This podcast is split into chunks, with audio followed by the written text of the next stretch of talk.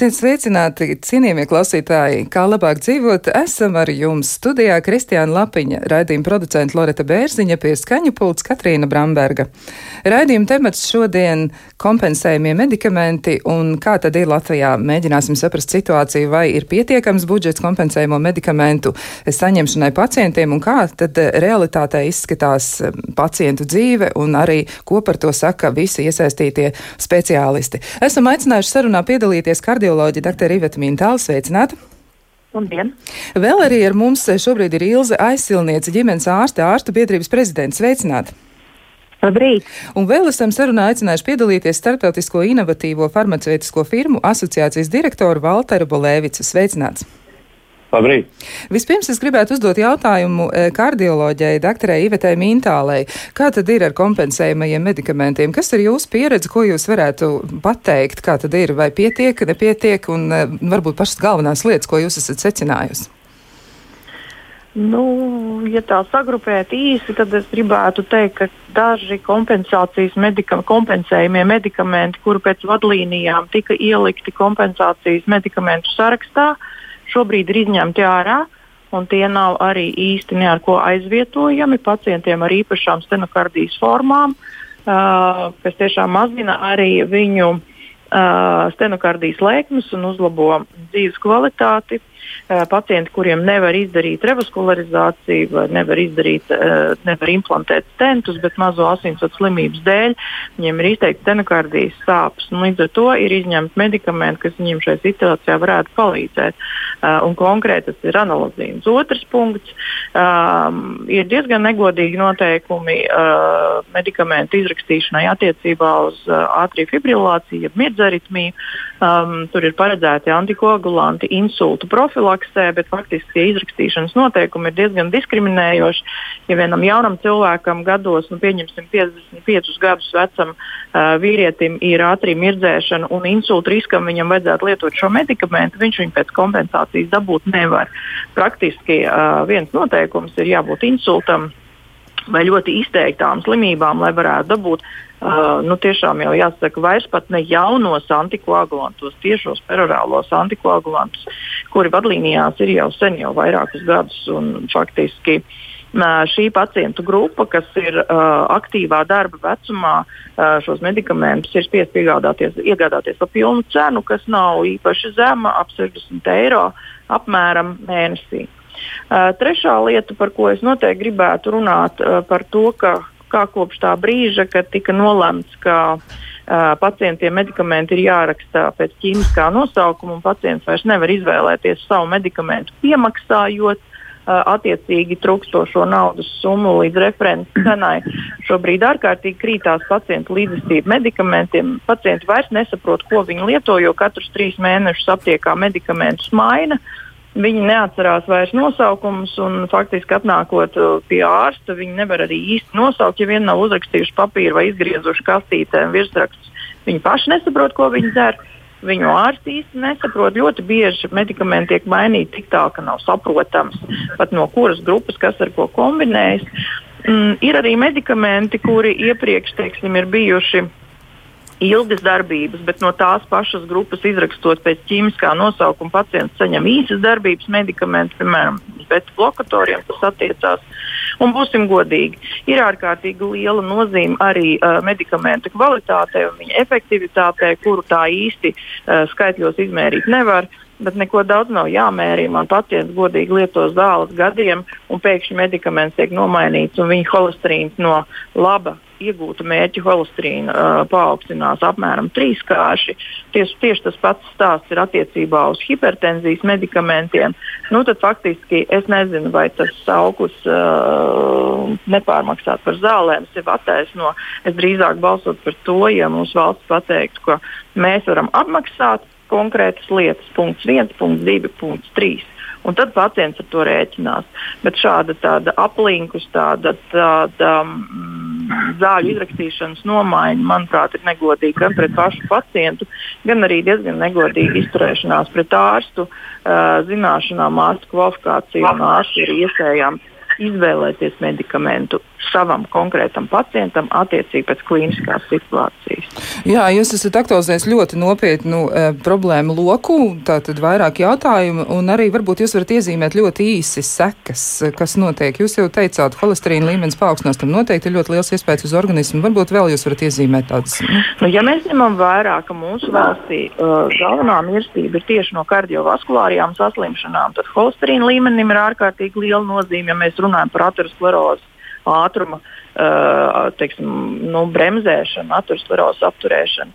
Plus, ja mēs runājam par hipertenziju, kas ir gan koronāras sirdslimības, gan insulta riska faktors, tā ir faktiski grūti kontrolējama ar nekvalitatīviem medikamentiem tad uh, nu, es nezinu, vai, vai, vai šis varētu būt solis pacienta veselības virzienā. Uh, es uh, ļoti daudz esmu arī novērojusi problēmas ar cukurdibēta medikamentiem, pašiem vienkāršākajiem, arī tos mainot pacientiem pašsajūta mainās.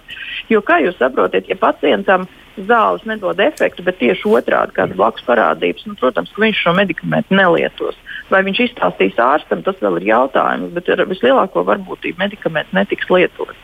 Tā ka faktiski runājot par jaunu medikamentu iekļaušanu sarakstos, viss ir skaisti. Mēs ļoti labprāt gribētu jaunus un pro, tiešām nu, progresīvus medikamentus, kas vadlīnijām atbilst.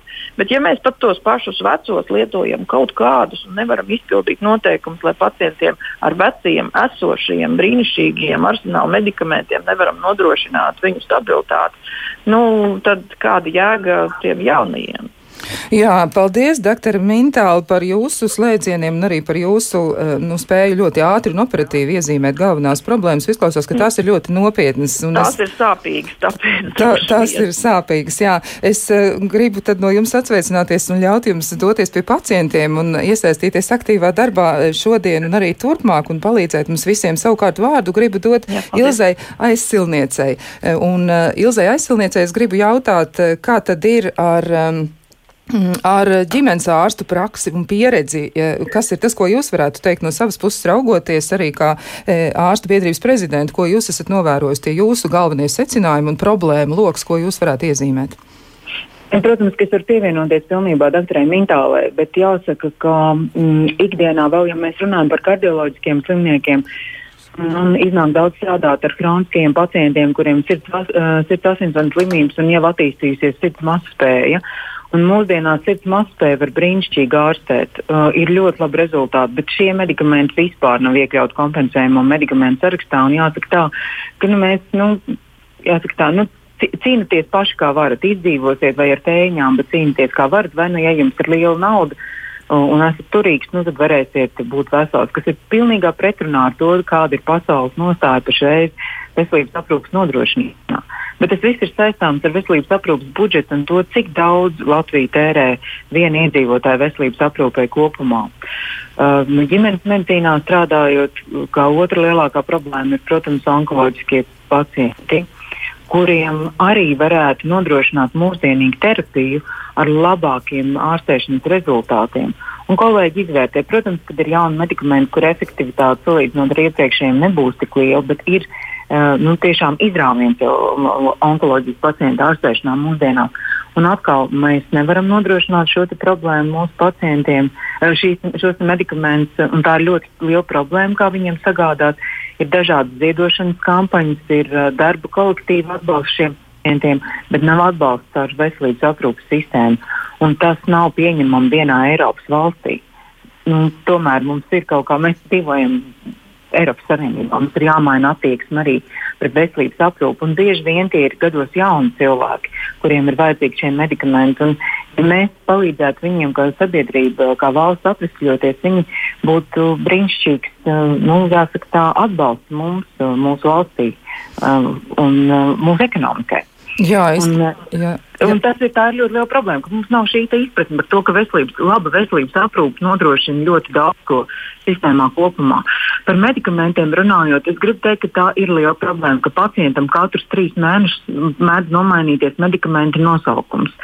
Un, jāsaka, ja mēs izrakstam kompensējumos uh, medikamentus ar starptautisko nosaukumu, tad tam starptautiskajam nosaukumam jātiek, nu, teiksim, Amerikas Savienotajās valstīs pacients nesaņem ražotāja iepakojumu. Viņš saņem oranžu būnu bunģiņu, uz kuras vienmēr ir tas pats nosaukums. Un zāles tiek vai nu iepirktas lielos daudzumos un sapakotas aptiekā.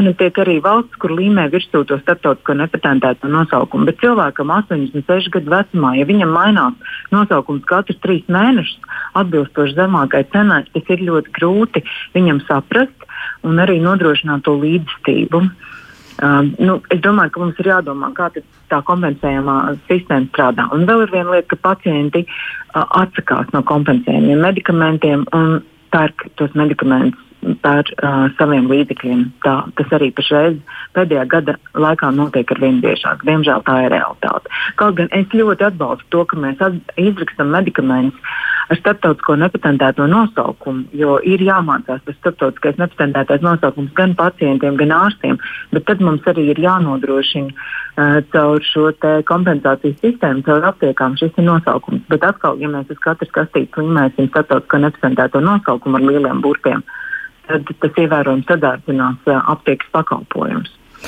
Jā. Es domāju, ka, vēl, ka, ja mēs runājam par medikamentiem, mums noteikti ir jāsaprot to, ka ambulatorā aprūpē lietotie medikamenti un viņu um, tāda kārtīga lietošana un pacientu līdzjūtība novērš ļoti daudz komplikāciju. Novērš to, ka pacients nonāk ar infarktu, ar insultu, ar dažādām citām komplikācijām slimnīcā, kas pēc tam valstī izmaksā daudz reizes dārgāk.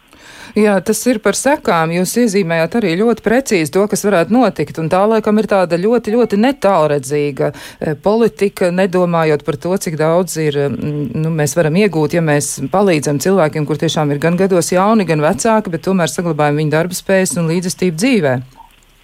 Jā, mēs novēršam to, ka viņiem ir ilgstoša darba nespēja, viņiem veidojas šī invaliditāte, par kuru ir jāmaksā no sociālā budžeta. Uh, mums ir jāmaksā dārgi slimnīcās uh, par to, ka viņi tiek ārstēti no nopietnām slimībām un komplikācijām. Un būtībā pēc tam jau mēs samaksājam daudz vairāk, ja mēs šodien ne, ne, neatrodam līdzekļus, ko samaksāt to minimumu, kas nepieciešams mūsdienīgai zāļu terapijai.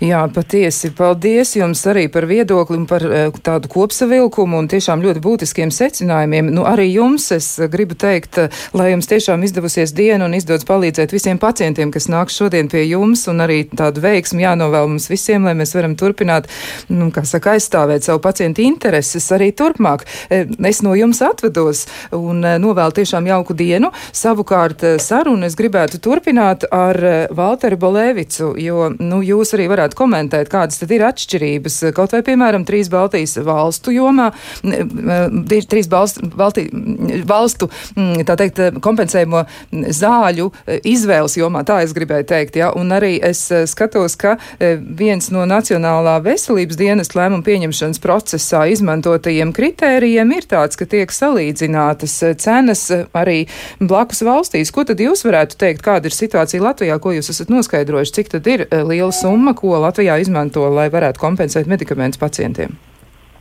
Uh, paldies, jā, labrīt vēlreiz.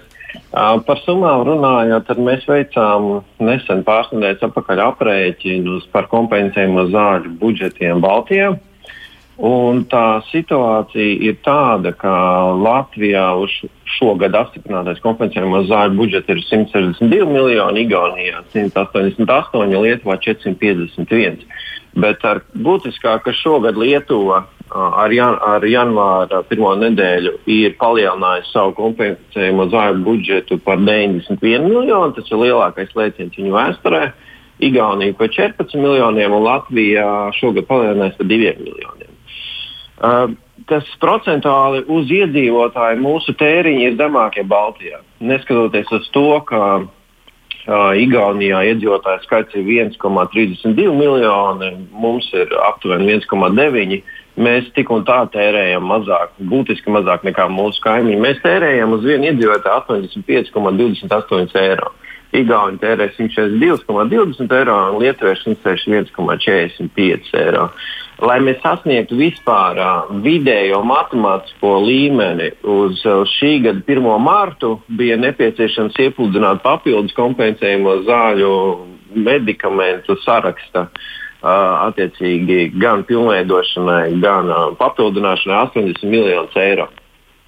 Tā būtu summa, lai sasniegtu vidējo rādītājus tā nav absolūtā vajadzību nu, teiksim, sekšana, jo pacienta vajadzības noteikti pārsniedz uh, daudz, daudzkārt vairāk šo rādītāju. Un papildus vēl es gribēju pateikt uh, par to, ko iepriekš teica gan Ēselnieks kundze, uh, gan, gan arī uh, Dr. Mintāla par, uh, par 1. aprīļa reformu. Mēs veicām arī iekšēji no ražotāju puses izvērtējumu par šīs reformas teikt, ietekmi uz tirgu. Un par ko mēs arī informējām Veselības ministriju un nosūtījām vēstuli šī gada 1. aprīlī. Mūsu skatījumā šajā reformā ir būtiski trūkumi. Pirmkārt, ir tas, ka visiem zināms, ir tas, ka ir aizmirstas pacienta iespējas izvēlēties. Ir, ir, ir iespēja tikai saņemt lētāko medikamentu visu. Uh, tas ir viens. Otra lieta, ka šajā periodā pēc 2020. gada 1. aprīļa 180 medikamenti tika svītroti no kompensējuma zāļu saraksta un 144 iekļauti jauni. Respektīvi, kopējā KZS medikamentu skaita dinamika ir negatīva. 36 medikamenti ir pamatoši kompensējuma zāļu sarakstu, un uh, visticamākais arī pamatīs arī Latvijas tirgu. Jo pēc KZS jau iziešanas, kad medikamenti var iegādāties tikai par pilnu cenu, uh, tad loģiski, kad krītoties apjomam, kompānijas vienkārši ņem ārā šo produktu vispār no Latvijas. Tas tiek, tas tiek novērots arī pat pie mūsu kaimiņu valstīs uh, ieviešot līdzīgu praksi arī Lietuvā, ko viņa šobrīd grasās mainīt.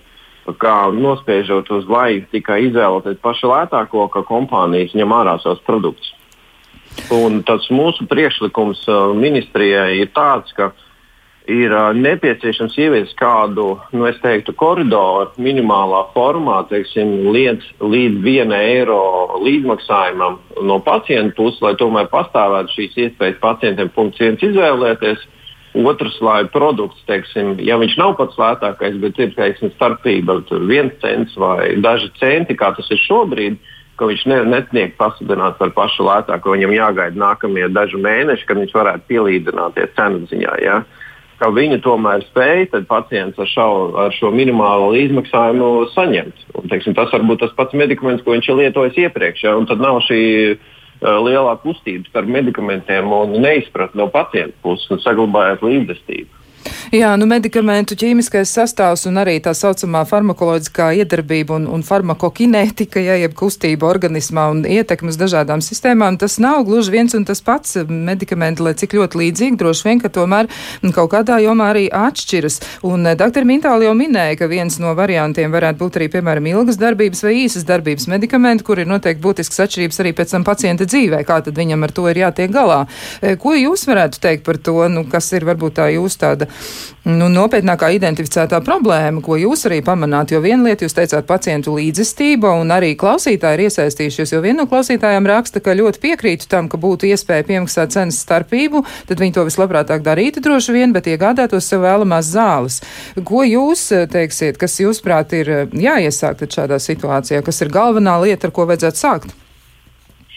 Jā, nu, mēs no savas puses, no asociācijas puses, kā jau minēju, jā, nu, mēs nosūtījām ministram oficiālu vēstuli šī gada 1. aprīlī. Vēl neesam saņēmuši nekādu atbildi no ministrijas. Es nezinu, ko ministrs domā vai ministrija plāno darīt ar šo uh, reformas pilnveidi, bet ir pietiekami daudz signālu saņemti ne tikai no mūsu, bet arī no pacientiem, pacientu interešu pārstāvjiem, ka šī sistēma ir jāuzlabo, nu, ka tā nevar būt vairāk turpināt, nu, ka ir nepildības. Neviens, eh, nu, teiksim, no ražotāja puses mums nav absolūti nekāda iebilduma pret par to, ka tiek noteikts attiecīgi uh, konkrēts norādīts uz receptes uh, nevis ražotājs, bet uh, ķīmiskā attiecīga forma. Jā. Par to neviens absolūti neiebilst. Uh, ir uh, iebildums par to, ka faktiski Latvijas situācijā ir tā, ka, ka šī reforma uh, ir samazinājusi valsts budžeta uh, izmaksas aptuveni par 100 tūkstošu eiro mēnesī, un gadā tas ir, nu, teiksim, tā starpība ir kaut kur pusotrs miljonus eiro. Nu, faktiski margināli.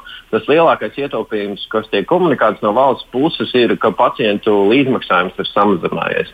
Vienlaikus mūsu analīze parāda to, ka uh, ka apjoms, par kādu pacientu iegā, ir spiesti iegādāties medikamentus par pilnu cenu, lai viņi turpinātu lietot to, ko viņi grib lietot, ir saglabājies tādā pašā līmenī. Faktiski viņš nav samazinājies. Un tā ir, tā ir būtiska problēma, jo nu, attiecīgi reforma nav sasniegusi savu mērķi, ko tā sākotnēji bija, nu, kam tā bija plānota. Jā, tā izklausās, ka tā tas arī uh, ir. Nu, man jau ļoti liekas nozīmīgs arī tas, ka ir jāņem vērā ārstu profesionālo asociāciju ieteikumi un arī viedoklis par to, kādu medikamenti tad būtu lietojami, jo viņi ir tie cilvēki, kas vistiešākajā veidā novēro slimības gaitu un pacientu veselības stāvokli. Un arī klausītāji uzskata, ka tomēr tā ir ļoti nopietna problēma. Viens no klausītājiem tieši tā arī saka, izklausās briesmīgi, jā, bet ko tad darīt? Un uh, vēl arī viens no klausītājiem piezīmē, ka Latvijā katru gadu pacienti pārmaksā 25 miljonus eiro, ja nopērk dārgākās zāles, un tāpēc nav brīnums, ka farmācijas pārstāvi protestē. un tad jautājums ir jums, ko jūs par to varat teikt, kāds ir jūsu komentārs, tāds ļoti izaicinošs, ja, bet vienlaiks arī jums noteikti ir atbilde, ko jūs varētu teikt. Nē, komentārs ir ļoti loģisks un pareizs. Uh, Es, es pārstāvu, pārstāvu starptautisko inovatīvo farmaceitisko firmu asociācijas. Nu, faktiski šie produkti, par ko ir runa, tie jau ir produkti, kas vairs ir seņi, kuriem ir beidzies patentu termiņš, kuri ir tā saucamie jau ģenēriskie produkti. Uh, ja produkti, kas cīnās par zemāko cenu. Uh, no, ja, ja mēs runājam par inovatīviem produktiem, tas vispār pilnīgi cits bloks, ir, un cik daudz vispār šādu medikamentu ir pieejami Latvijā un kur mēs atrodamies Eiropā. Es jums varu pateikt, uh, vakardien tika uh, apkopota informācija pēdējā par Uh, no 2016. līdz 2019. gadam Eiropā tika reģistrēti, nu, respektīvi, zinātnieki izgudroti 152 jauni produkti. Uh, tad Latvijā no šiem produktiem mūsu pacientiem pieejams ar kompensējumu zāru sarakstā 1% medikamentu, kas, kas, kam ir pilna pieejamība, ja, un limitēta pieejamība ir 14% medikamentu, un 74% medikamentu vispār nav pieejami mūsu valstī. Ne par privāto naudu, ne par, ne par valsts naudu. Tas parāda tikai to, teiksim, cik vispār ir nu, teiksim, no cik mēs esam reāli, kā mēs varam sasniegt to, to, tos farmācijas eh, nozares eh, inovācijas saviem iedzīvotājiem nu, Latvijā.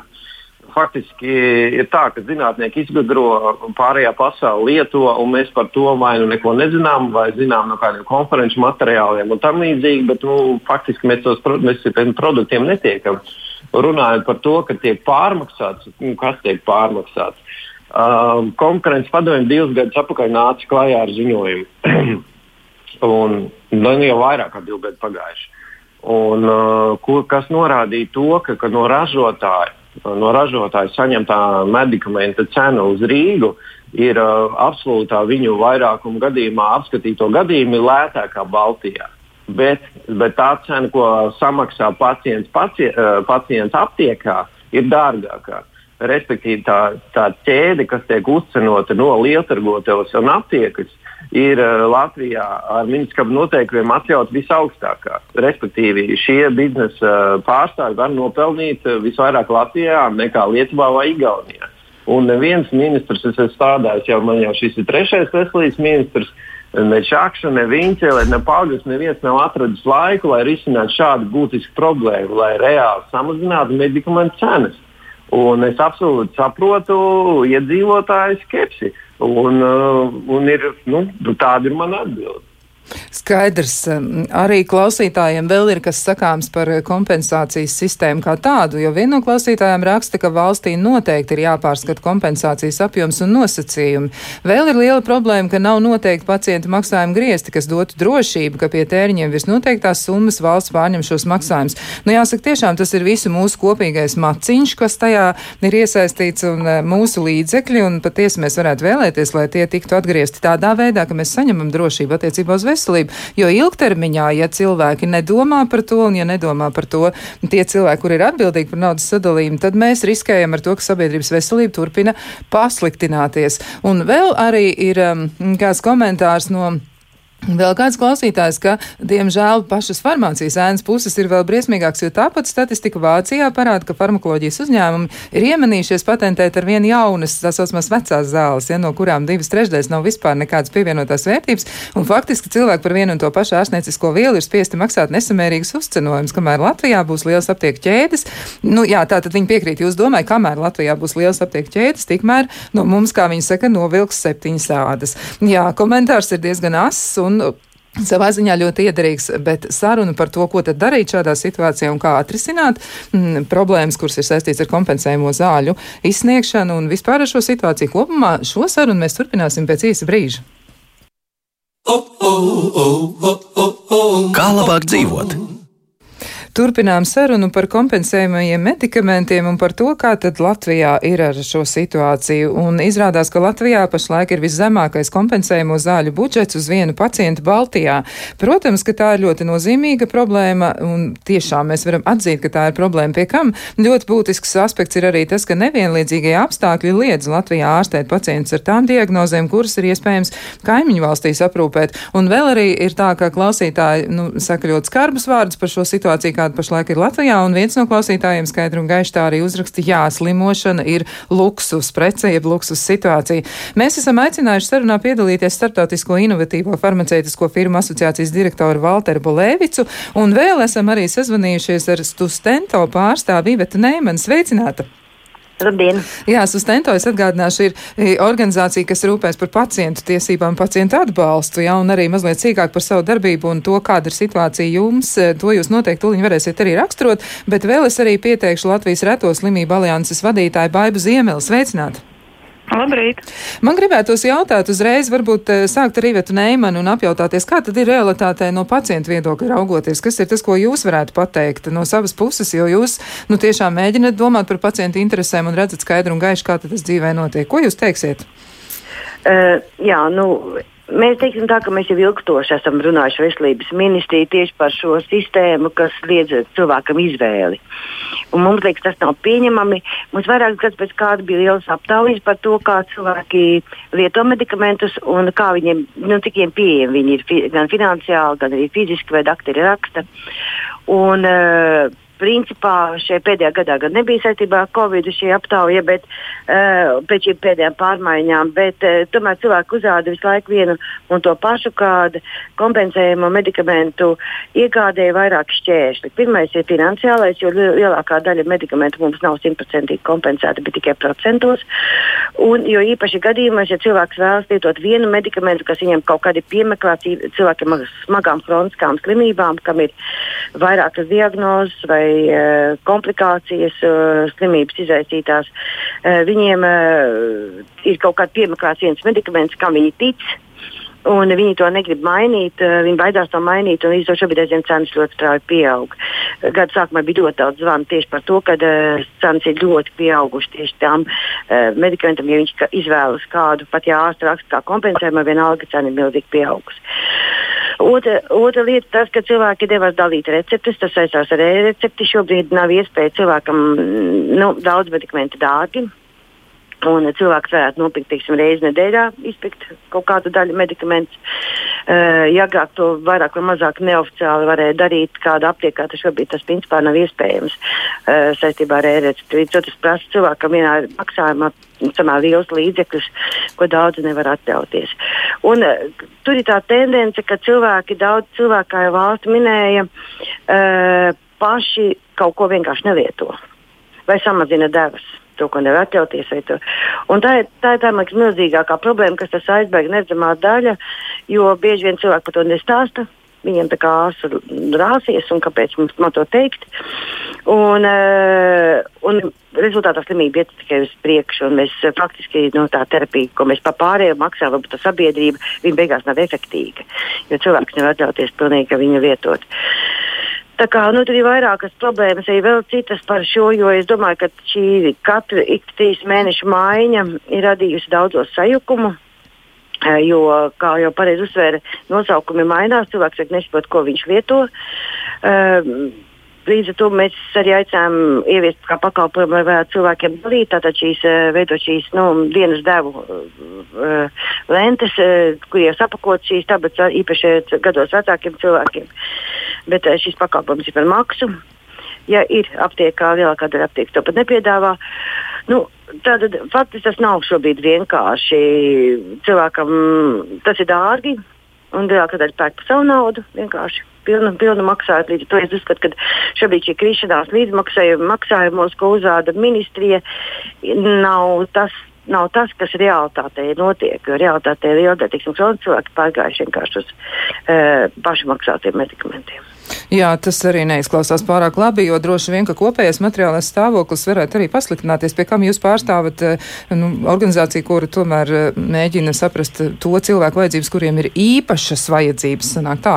Jā, un tad tur arī noteikti ir vēl papildus problēmas. Varbūt Balēvits kungam ir ko komentēt attiecībā uz šo, ka cilvēki ir apjukuši un viņiem tiešām ir grūti norientēties. Jā, es varu tikai absolūti apstiprināt, ka daudz pašlietotas medikamentus, kas ir svītroti no kompensējumiem zāļu sarakstu, pacienti turpina iegādāties par pilnu maksu. Tātad nu, tieši sistēmas vainas rezultātā medikamenti pamet KZS. Um, papildus tam mēs arī savā analīzē secinājām, ka, lai gan pacientu līdzmaksājumi ir samazinājušies, bet naudas apjoms, ko pacienti maksā no savas kabatas, ir palicis praktiski iepriekšējā līmenī. Un, jo sevišķi būtiski, ka sirds asinsvads slimību pacienti vairāk zāles pērk par pilnu maksu. Nu, tā, to, tā ir mūsu analīze par šī reformas ietekmi, un tas principā tikai nu, apliecina to, ko jau šeit speciālisti arī saka. Um, Jā, jā, tā tas ir. Šī tendence nav, nav galīgi tajā virzienā, kam sākotnēji šī reforma domāta. Faktiski nav sasniegts to mērķi, ir nepieciešami uzlabojumi. Jā, tā tas izklausās, ka būtu e, jāmēģina uztvert. Un man tiešām liekas visnozīmīgākā doma arī to, ko teica dr. Mintāli jau pašā sarunas sākumā, e, ir par to, ka, jā, ka cilvēki, kuri cieši no tiešām nopietnām saslimšanām un, un slimībām un, un veselības stāvokļa izmaiņām, kuras pēc tam varētu arī būt nu, tādas traģiskas sekas, un reizēm tas notiek arī ļoti ātri un samērā negaidīt, ka tur varētu iesaistīties medikamenti, kuri tiktu lietot regulāri un patstāvīgi. Bet um, man ir jautājums Baibai Ziemē. Zemelē, Latvijas Reto slimību alianses vadītājai, kas savukārt ir jūsu pieredze, ko jūs varētu teikt par kompensējumu zāļu, jeb medikamentu situāciju attiecībā uz to pacientu grupu, kur pārstāvat jūs? Nu, atšķirībā no iepriekšējās runātājas, mums lielākā daļa no medikamentiem ir nevis A sarakstā, bet B un C sarakstā, jo tie ir tādi medikamenti, ko savā starpā nevar aizvietot vai kas ir ļoti dārgi. Un, uh, lielākā daļa no mūsu pacientiem savukārt ir tie cilvēki, kuriem ir Latvijas uh, zāļu kompensējumā sistēmā ļoti bieži nemaz nav iekļauti tie medikamenti, kas būtu vajadzīgi viņu ārstēšanai. Un, uh, attiecīgi, protams, ka šī reforma, ko pirms gada uh, veica, manā uzturā arī ir nedaudz nepareiza, tāpēc, kad nu, kā jau arī Iveta pirms tam teica, ka nav pareizi tas, ka cilvēks visu laiku lietoja kaut kādu medikamentu, un šobrīd viņam ir pilnībā liekta iespēja uh, saņemt to medikamentu kaut vai daļai valsts apmaksātu. Jo mēs jau toreiz, man liekas, arī rādio runājām par, uh, par to, ka nav, ja cilvēks kaut ko lieto, un ja tas viņam palīdz, saprotiet, nu, medikaments nav konfekts, neviens jau neizvēlās viņus lietot vai nelietot. Tas ir uh, ārsti, kas ir mācījušies izvēlēt pacientam piemērotāko terapiju, un tikai tāpēc, tāpēc, ka cilvēks to nevar nopirkt, nav godīgi uzskatīt, ka cilvēki ir nelīdzastīgi, jo viņi vienkārši nespēja iegādāties un darīt kaut ko savas veselības labā. Un tāpat ir ar retām slimībām, jo mums savukārt tās zāles ir nepieciešams ārkārtīgi specifisks. Tur katram cilvēkam var piemeklēt uh, vislabāko molekulu, kas tieši viņam var palīdzēt. Un, uh, un tā um, kompensējamo zāļu sistēma šobrīd īsti neatbalsta tādas lietas, bet uh, es saprotu, ka nākotnē mums ir paredzēts kaut kādas izmaiņas, par ko mēs aliansē esam lūguši jau vairākus gadus. Iespējams, ka kaut kas mainīsies. Vienkārši tas viss notiek tik lēni, un cilvēkiem par to nāks ļoti dārgi maksāt, un tas, manuprāt, nav normāli. Jā, maksa ir visaugstākā, maksa ir veselība. Es gribu arī atgādināt tiem klausītājiem, kuri šobrīd mēģina orientēties, ko tad īsti nozīmē A, B un C saraksts. Tad eh, A sarakstā ir iekļauti līdzvērtīgas efektivitātes medikamenti, kas viens otru tātad varētu aizvietot, bet arī tur, kā dr. Mintāla teica, es atgādināšu, ja, ka arī tur ir nianses, piemēram, darbības ilgumā. Savukārt B sarakstā ir iekļauti medikamenti, kuriem nav līdzvērtīgas efektivitātes zāļu. Tātad eh, tie ir tādi, kas ir paši par sevi ļoti specifiski, acīm redzot, izveidoti tieši konkrētam mērķim, un savukārt C sarakstā tiek iekļautas zāles, kur izmaksas viena pacienta ārstēšanai gadā pārsniedz, ja es pareizi nosaucu šo skaitli, šobrīd skatījos pēdējos datus, tie ir 4268,62 eiro, un ražotāja zāļu kompensācijas izdevums noteiktam pacientu skaitam apņems sekt no saviem līdzekļiem. Ja? Nu, tātad trīs saraksti. E, savukārt, e, Bolēvits kungam vēl gribētu jautāt, pirms mēs arī viņam ļaujam doties savos darbos, ko jūs varētu teikt par B un C saraksta medikamentiem, jo noteikti arī par to jums ir viedoklis, kā tad ir, ja nav līdzvērtīga medikamenta un cilvēkam ir nepieciešams tieši šis.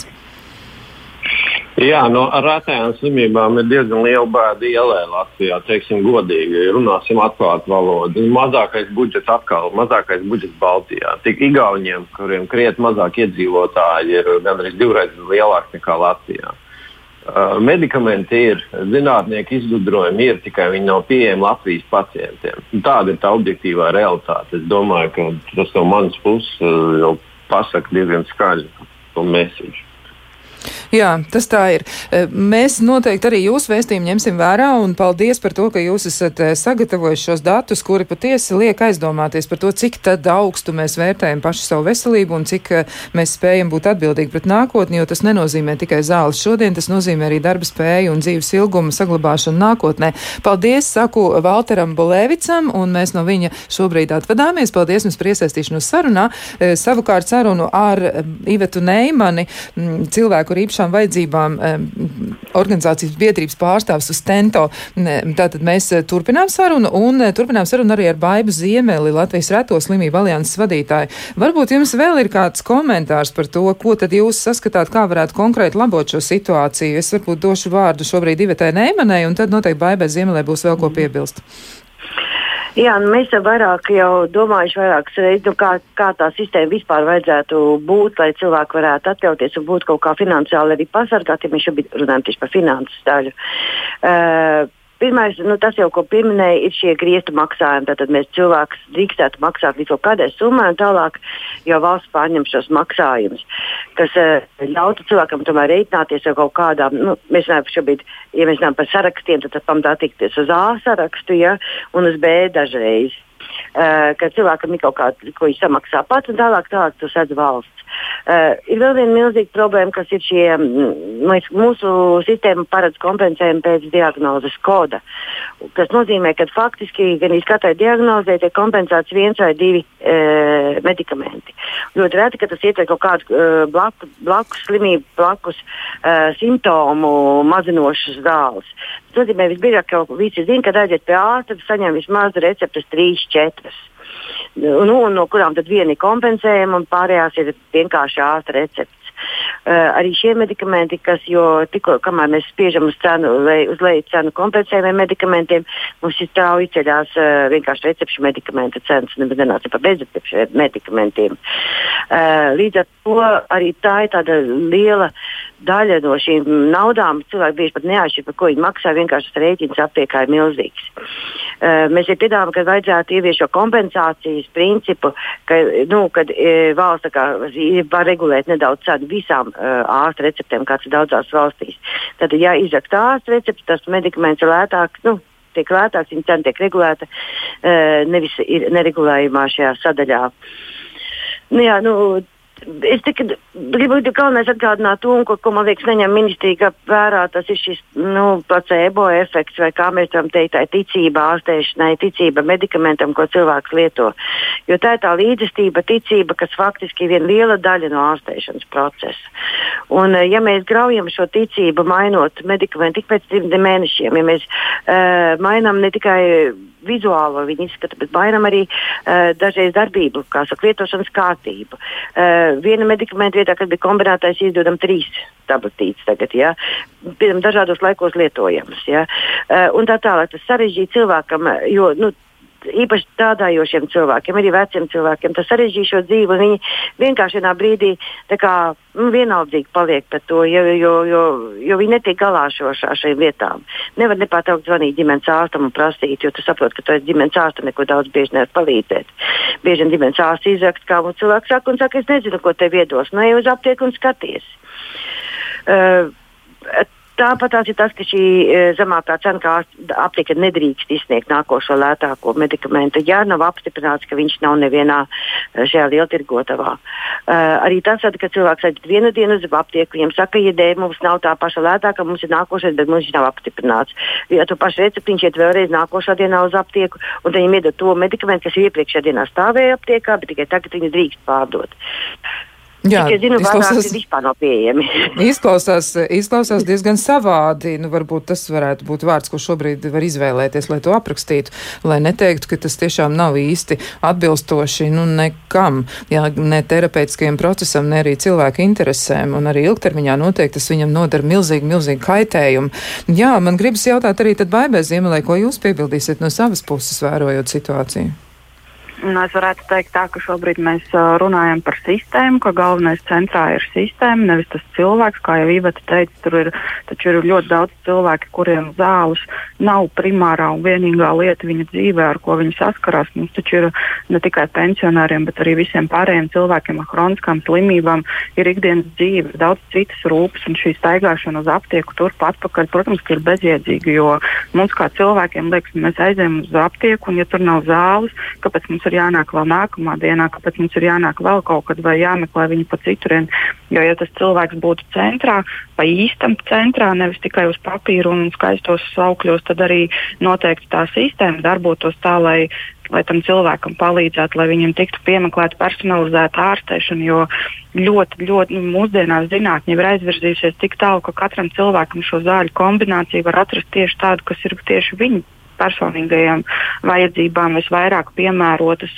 Tādas ir gan no šīm pavisam lētajām zālēm, gan arī no dārgākām. Vienkārši tas ir ļoti liels domāšanas pārmaiņa, manuprāt, jo, jo mums ir jāpaskatās uz cilvēku kā uz cilvēku. Nevis uz to, ka uh, cilvēks lieto sistēmu, bet uh, nu, šo, šobrīd sanāk tā, ka sistēma lieto cilvēku. Un es domāju, ka arī par budžetu, jo tas ir lielākā problēma jau ilgstoši, ja mm, gadiem, nezinu, cik es ar šo nodarbojos, jau vairāk kā desmit gadus, un visu laiku veselības ministrija saka, ka kompensējamo zāļu budžets ir ar deficītu, kas velkās jau gadiem ilgi līdzi. Un, uh, ja valdība nesaprot to, ka šeit tiešām ir liela problēma, un, un ja cilvēki domā, ka zāles ir nepieciešamas tikai slimiem cilvēkiem, mums ir veselības ministrija, kas uh, domā tikai par veselību un kā skaisti dzīvot un visiem šiem PR saukļiem, nu, tāda nav gluži pareiza rīcība manā uzturē. Jo, Jo taču arī tas budžets, tas katru reizi, kad prasa budžeta pieaugumu kompensējumu zāļu sistēmai, neviens jau to neprasa kaut kādām mistiskām vajadzībām. Tur apakšā ir ārsti un speciālisti, kas ir sarēķinājuši šīs vajadzības. Mums uh, Nacionālais veselības dienas par to vien nodarbojās, kā cenšas nodzīt visas cenas viszemākās Eiropā. Un, un pat tad mēs nevaram atļauties šīs zāles nodrošināt saviem pacientiem. Un, un, ko tad mēs gribam? Arī sanāk, ka mums ir vissliktākie veselības rādītāji Eiropas Savienībā Savienībā, un, uh, un izskatās, ka jau pat Rumānija sāk mūs apsteigt. Jā, tas varētu nozīmēt arī to, ka kopumā tiešām, tā kā jūs teicāt, veselības rādītāji pasliktinās, jo, ja cilvēks nesaņem atbilstošus medikamentus, nesaņem palīdzību, vai arī nevar to atļauties kaut kāda iemesla dēļ, tad viņa veselība turpina pasliktināties, un process arī gal galā kļūst ļoti, ļoti iespaidojošs attiecībā uz ekonomiku kopumā. E, nu, cilvēki arī ir iesaistījušies klausītāji, raksta, viens no klausītājiem raksta tā, nu, tādu, tādu retorisku jautājumu viņš uzdod, kāpēc tad cilvēki ar onkoloģiskām saslimšanām brauc ārstē ārstēties uz Igauniju, jo kompensējumās zāles ir par 30% lētākas, un viņa ieteikums ir sākumā, lai sakārto, un teikšu, kā ir, kā viņš arī ir uzrakstījis, lai sakārto kampēju barus. Jā, tas ir ļoti tāds asas komentārs, un vēl ir arī tā, ka. Mm, Viena no klausītājām raksta, kā gan, lai atļauj dārgākās un labākās zāles, jā, par otro grupu maksā minimālo pensiju un pat kompensētās labākās zāles, tātad, kuras varētu izvēlēties, tās tiešām ir ļoti, ļoti dārgas, ja tad tur acīm redzot ir grūti ar šo piemaksu un tas ir sarežģīti. Un vēl arī viens no klausītājiem arī ir ļoti skarbs uh, savos secinājumos, un viņš saka tā, ka kompensējumu zāļu sistēma pašlaik ir noziedzīga. Man tagad visas kompensējumās zāles jāpērk par pilnu samaksu, jo citas ar vienu pamatvielu darbojas savādāk, rada dzīvībai bīstamas blaknes pēc jaunās sistēmas, tā teikt, jā, ja viņam būtu tas vajadzīgs. Un šim cilvēkam būtu jāvēršas pie tā ārsta, kurš viņus izraksta, un jā, nu, par blaknēm ir jāziņo, un uh, pamatojoties uz šiem blakus parādību mm. ziņojumiem, tas cilvēks drīkst saņemt arī citus medikamentus, nevis tikai pašu lētāko. Jā, tā tad viņam noteikti ir jāmēģina arī aktivizēt pašam sevi, ja iesaistīties savas veselības jautājumu risināšanā, un, bet, nu, tā, tas ir ļoti nopietnas signāls signāls, un arī e, nu, viņa ieteikums ir, ka vajadzētu katru dienu publicēt presē, ja cik tad cilvēki ir gājuši bojā pēc jaunās reformas, un ka reformatoriem vajadzētu Vajadzētu kādas nopietnas sankcijas, tas ir viņa secinājums. Jā, viņš ir ļoti, ļoti tāds tieši savos izteikumos. Viņš arī norāda konkrētu vietu, kur tad vajadzētu atrasties cilvēkiem, kas rīkojas noziedzīgi, viņuprāt, daž, dažos, dažos gadījumos. Tā tas tiešām ir.